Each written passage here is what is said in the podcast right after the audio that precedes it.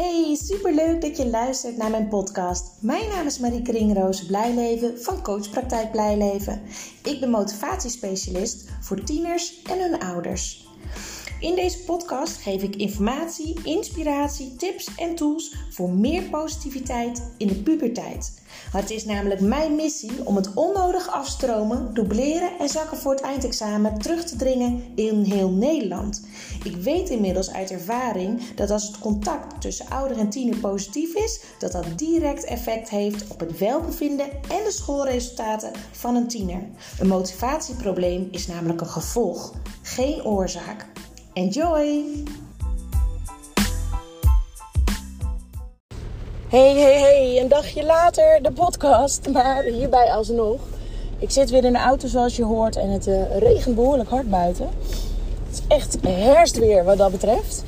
Um, maar ik ben een dagje later, want het was, een, uh, het was een hele volle week. Wel een hele mooie week. Want deze week heb ik um, allemaal workshops mogen geven op het, uh, op het Haarlemmermeer Lyceum in Hoofddorp. Aan leerlingen van 5 VWO en 6 VWO en aan uh, MAVO-leerlingen. En bij de VWO 5 uh, ging ik alle mentoruren uh, af, zeg maar. En dan gaf ik in één lesuur uitleg over hoe motivatie ontstaat en verdwijnt. Dus eigenlijk hoe motivatie werkt. Dat het veel meer is dan dat je geen zin in iets hebt of dat je het maar vooruit schuift. En aan de reacties te lezen waren het onwijze eye-openers voor het grootste gedeelte van de leerlingen. Dat is natuurlijk super mooi om te horen. Er was ook een leerling die zei: ik had, ik had dit zo graag eerder willen leren en eerder willen horen. Dat je zelf uh, zoveel invloed hebt eigenlijk op je leven en hoe je met dingen omgaat. En ja, dat maakt mij ook wel weer bewust van het feit dat hier veel te weinig eigenlijk mee gebeurt. We zijn in het onderwijs allemaal zo ontzettend gericht op de cijfers, waar ik al eerder over heb uh, verteld. Het gaat er allemaal om, het moet allemaal voldoende zijn. Het moet allemaal boven de 5,5 zijn. Je moet je best doen, je moet alles inleveren. Maar het gaat veel te weinig over hoe zorg je ervoor dat je dat lukt. En wat is de reden dat het tot nu toe niet altijd vlekkeloos gaat. Zo vroeg ook een jongen uh, dat was trouwens VWO 6, maar dat maakt niet uit. Maar die vroeg over zijn profielwerkstuk. Voor degene die dat niet weten, een profielwerkstuk maak je in de bovenbouw. Soms in het voorexamenjaar uh, en bij sommige scholen in het examenjaar. En dat is een, uh, een groot werkstuk over een bepaald thema. En dan heb je een vraag die je moet onderzoeken, zeg maar. Een hoofdvraag. En die vraag bestaat ook weer uit deelvragen. En uh, vaak zijn er wel handleidingen van, uh, vanuit de school, zeg maar, hoe je een profielwerkstuk in elkaar zet, waar het aan moet voldoen en dergelijke. Maar het is een hele grote opdracht die je echt in stapjes moet maken en moet verspreiden om het op tijd af te hebben. Er zijn er ook eigenlijk altijd wel uh, begeleiders, profielwerkstukbegeleiders, want het is gekoppeld aan een vak. Hè. Het thema dat ze kiezen is gekoppeld aan een, aan een vak. Um, en daar een vakdocent vaak van die daarbij begeleidt. En hij zei: Ja, weet je, ik zie er zo tegenop. Ik schuif het de hele tijd voor me uit. En ik begin er maar niet aan. En zei ik: En wat is de reden dat je het voor je uitschrijft en dat je er niet aan begint? Ja, ik heb gewoon geen zin erin. Ik zei: Ja, en toch is het meer dan dat. Want geen zin hebben, of dat het je niet boeit, of wat dan ook, zijn eigenlijk allemaal uh, ja, onbewust, hè, want ik bedoel het natuurlijk niet negatief, maar onbewust zijn dat smoesjes om er maar niet mee te starten. Terwijl de echte oorzaak zit hem veel vaker in: waar moet ik beginnen? Hoe moet ik dit doen? Wat wordt er nou eigenlijk van me gevraagd? En hij gaf zelf heel mooi als antwoord toen ik vroeg: wat heb jij, wat helpt jou om toch die stap te maken om te starten? Hij zei: Ja, ik heb overzicht nodig, ik heb structuur nodig, ik moet weten wanneer ik wat moet doen uh, ja, om überhaupt te kunnen beginnen. en toen vond ik het eigenlijk wel heel mooi, want hij gaf dus zelf al het antwoord. Maar het lukte hem dus nog niet. Dus mijn volgende vraag was: Weet jij hoe jij die structuur en dat overzicht moet maken? Toen moest hij lachen. Toen zei hij: Nee, dat weet ik niet. Oké. Toen heb ik de klas om hulp gevraagd. Jongens, wie heeft hier ehm, minder moeite mee? Dus wie heeft eh, de kwaliteit, de eigenschap, de vaardigheid om een overzicht te maken van zo'n grote opdracht. Wat er allemaal moet gebeuren, wanneer je wat doet, hè, om structuur aan te brengen enzovoort. Nou, er was een leerling die, uh, die dat wist. Die zei, ja, wat, wat mij altijd helpt, hoe ik het aanpak... is eerst op een A4'tje schrijven welke stukjes er allemaal in moeten. Dus er moet een voorkant, er moet een inleiding, er moet een inhoudsopgave. Nou, alles wat erin moet op één A4'tje. En dan verdeel je het in kleine stukjes. Dus niet kijken wat je allemaal nog moet en wat de deadline is zozeer. Maar vooral stap voor stap. Want dan ga je beginnen, dan wordt het kleiner. En dan als je eenmaal begint, gaat het beter. Nou, ik vond het een briljant antwoord. Dus ik ging terug naar die, uh, naar die jongen en ik zei: Heb je hier wat aan? Hij zei: Ja, ik denk het wel. En wat heel vaak vergeten wordt met het maken van een planning, is dat het echt behapbare stukjes moet moeten zijn. Dat is niet alleen maar met het profielwerkstuk, het PWS, belangrijk, maar wel extra belangrijk, omdat het natuurlijk een hele grote opdracht is. En als je wat later begint, heb je de neiging om heel veel in die planning te proppen tegelijk, zodat je het maar op tijd af hebt. Maar als het in die planning staat, wil niet zeggen dat het op tijd af is als jij te grote hoeveelheden in een te korte tijd inplant. En die schakel, die maken ze niet altijd. En daarom houden ze zich ook 9 van de 10 keer niet aan hun planning, omdat de planning gewoon wat dat betreft niet haalbaar is. Dus wat belangrijk is, is dat jij in een uur, uh, op, in je planning zeg maar, een uur blokt en daar iets in propt wat misschien een half uur duurt tot drie kwartier. In het mooiste geval heb je tijd over. En ja, het kan zijn dat je het een beetje verkeerd inschat dat het toch wat meer werk is. Maar daarom is het belangrijk om altijd wat margeuren in te plannen. Zo zeg ik altijd, zorg in ieder geval dat je ongeveer twee dagen voor de deadline, of als je een hele lange grote periode uh, aan het werk moet met een opdracht, desnoods een week van tevoren alles af hebt, dan heb je nog marge, dan heb je nog tijd als je het niet allemaal binnen de geplande tijden af hebt. Dat zorgt voor rust, ruimte en ontspanning, waardoor je veel efficiënter kan werken. Dus het is ook een kwestie van plannen, proberen of, uh, of uitproberen, uittesten, zeg maar, hoeveel tijd je voor wat nodig hebt. Klopt jouw inschatting ongeveer? Of heb je toch iets meer tijd nodig? Of ben je sneller klaar? En dat verwerk je weer continu in je planning. Een planning is iets wat continu kan veranderen. Omdat je weer nieuwe inzichten opdoet. En omdat je weer nieuwe stappen maakt. Een planning is, heeft echt als doel om overzicht te creëren en te houden. Helemaal over langere periode is het gewoon hartstikke lastig. Niet alleen voor tieners, dat is ook voor volwassenen heel vaak heel lastig. Dus ik vond dit heel mooi, want je kan dus uh, even terug naar dat mensenuur wat ik vertelde. Je kan dus in de, de, de, ja, de houding, het gevoel blijven zitten. Het overkomt me allemaal. Ik ben slachtoffer. Ik overzie het niet. Ik stel uit. Ik heb er geen zin in. Uh, het gaat me niet lukken enzovoort. Dan zit je in de slachtofferrol. Dan overkomt alles in het leven je eigenlijk. Als je nou, hè, want dat is 10% in je leven. Als je nou kijkt naar welke invloed je erop hebt. Wat kan ik doen aan datgene waar ik nu in zit. Wat heb ik nodig?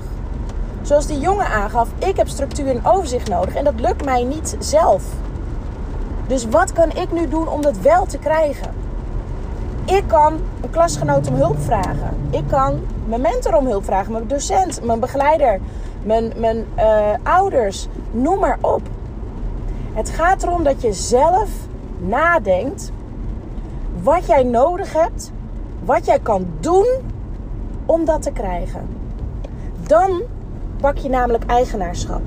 Dan pak je verantwoordelijkheid over je eigen proces. En ja, dit kunnen leerlingen echt. Maar je moet het ze wel uitleggen dat het zo werkt. En dat ze dus zelf invloed daarop hebben. En dat vond ik gewoon uh, heel mooi om dit soort dingen naar voren te halen in deze les. Het is zo makkelijk om met je vinger naar de school te wijzen of naar uh, de docent te wijzen. Hè? Van die doet alles fout, een slechte docent en laat met nakijken. En leg niet goed uit. Ja, en daar kan je ontzettend druk om maken. En dat is ook heel irritant. En dat zou ook niet zo moeten zijn. Maar het helpt je uiteindelijk niet. Het zorgt alleen maar voor meer frustratie en hulpeloosheid. Dus wat belangrijk hierin is, om de leerling, om de tiener te leren na te denken waar hij wel invloed op heeft. Dus snap jij dingen niet van een bepaald vak en helpt je docent niet, of legt hij uit dat je het niet op een manier die je niet snapt, of wat dan ook, kijk dan waar je de informatie kan krijgen en vinden, zodat je het wel gaat snappen.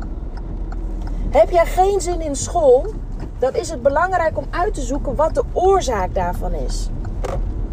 Ik had gisteren ook een mooi gesprek met een tiener. Uh, een één op één gesprek. En die zei: Ja, ik vind school gewoon echt vreselijk. Ik heb er geen zin in en het moet. En ik, ik, nou, die zat ook heel erg in het gevoel van: Het overkomt me en ik kan er niks aan doen, want ik ben nou eenmaal leerplichtig enzovoort. Dus we hebben samen uitgezocht: wat is dat dat jij school zo vreselijk vindt? Hij gaf aan: Ja, ik zie het nut niet in van uh, bepaalde dingen die ik moet doen. De nut en noodzaak zie ik niet. Ik heb het idee dat, lang niet, dat ik lang niet alles nodig heb van wat ik nu moet doen. Want ik wil helemaal niks met deze vakken gaan doen. En toen heb ik gezegd: Oké, wat zou jou wel helpen? Zou het bijvoorbeeld helpen als jij al een uh, vervroegde profielkeuze kon maken? als je in de derde klas zit van, van HAVO of VWO, dan heb je ontzettend veel vakken. En helemaal als je het voor de tweede keer doet, ehm, dan, ja, dan wordt dat nog minder natuurlijk die nut en noodzaak voor je gevoel. En een vervroegde profielkeuze betekent dat je nu al in de derde klas een aantal vakken mag wegstrepen. Kijk, dit gebeurt natuurlijk niet standaard bij iedereen, hè? laat het even duidelijk zijn. Maar ik weet wel uit de tijd dat ik decaan was, dat ik uh, als er echt uh, ja, nood aan de man was, zeg maar. Als een leerling echt niet, niet, zich niet lekker voelt, niet fijn voelt. En het gaat ten koste van alles. Hè. Een leerling gaat spijbelen en komt te laat, neemt spullen niet mee, doet huiswerk niet enzovoort. Dan gaat het niet goed met die leerling. Je kan van alles denken, maar dit is een signaal vanuit de leerling, vaak onbewust. Het gaat niet goed met mij, help mij. Ik weet zelf niet meer wat ik moet doen. En dan is het dus zaak om te kijken wat kan deze leerling helpen om, ehm, ja, om wel weer dat gevoel te krijgen en die motivatie te voelen. En soms kan het helpen als hij iets minder vakken doet bijvoorbeeld. En ja, dat heeft consequenties. Maar ja, ja, ik zal niet te veel in detail treden bij deze leerling, want dat is te persoonlijk. Maar het is wel belangrijk om te kijken in mogelijkheden. En tuurlijk kan ik niet voor een school praten of ze akkoord gaan, iets dergelijks. Hè? We zijn alleen aan het kijken welke opties zouden er kunnen zijn. En wat kan jij doen om uit te zoeken of die mogelijkheden er voor jou zijn en hoe school hierin staat en alles. En die verantwoordelijkheid, dat eigenaarschap, als een leerling weer, als een tiener weer die voelt, dan komt er weer hoop dan komt er weer een gevoel van ik ben sterk. Er zijn nog opties. De deur is niet dicht. De deur gaat weer op een kier. Ik ga kijken wat ik nodig heb om weer motivatie te krijgen. Want een motivatieprobleem is een gevolg, geen oorzaak. Die is zo onwijs belangrijk. En we kunnen allemaal mopperen op de tieners dat ze te weinig doen.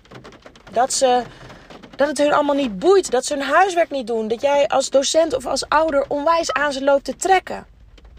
Maar zoek met elkaar uit, één voor één, wat de oorzaak daarvan is. Bij elke leerling. Want wat ik ook heel veel heb teruggekregen deze week in de uit de workshops. Ik vond het zo persoonlijk. En dat is precies waar ik blij van word. Je luistert zo goed naar ons. En dat geeft een fijn gevoel. Leerlingen hebben zo en tieners zoveel behoefte aan een één op één contact, aan het gezien worden, aan het begrepen worden, aan het meedenken met elkaar. En nou, je merkt mijn passie misschien wel, mijn, mijn, mijn, ook mijn enthousiasme, maar ook mijn, mijn drive om ervoor te zorgen dat elke leerling dit kan krijgen. Want dit kan niet allemaal binnen het onderwijs alleen. De ouders zijn hier ook bij nodig. En externe begeleiders ook. Ik heb ook deze week klassen gehad van 31 leerlingen. Je kan bij 31 leerlingen niet elke leerling standaard de aandacht geven en de begeleiding geven die hij op dat moment nodig heeft. Dat is onmogelijk. Maar je kan wel informatie geven waardoor zij zelf ermee aan de slag kunnen. En dat is precies wat ik deze week heb gedaan bij de klassen waar ik langs ben geweest. Uitleggen hoe de motivatie werkt. Uitleggen hoe de cirkel van invloed werkt. Uitleggen hoeveel impact jouw manier van denken heeft, jouw mindset.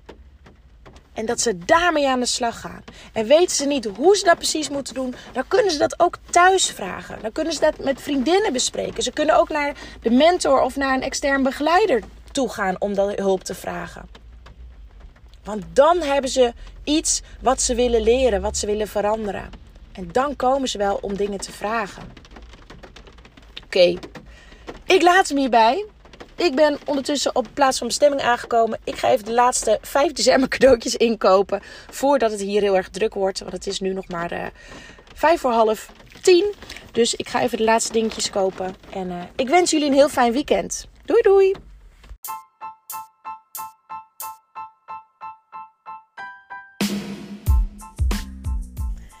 Dit was weer de aflevering van deze podcast. Ik hoop dat je het leuk hebt gevonden, dat je er veel informatie, tips en inspiratie uit hebt kunnen halen. Ik ben ontzettend benieuwd wat jij van deze podcast vond en wat je eruit hebt gehaald. Want ik neem ze op, maar ik wil heel graag weten hoe het is voor jou als luisteraar om dit allemaal te horen. Wil je mij dat laten weten via een persoonlijk berichtje? Dan vind ik dat hartstikke leuk. Wil je andere ouders motiveren, stimuleren? En inspireren met deze podcast, deel het dan op social media. En wil je mij contacten? Dat kan via www.coachpraktijkblijleven.nl. En wie weet spreken we elkaar snel. Fijne dag!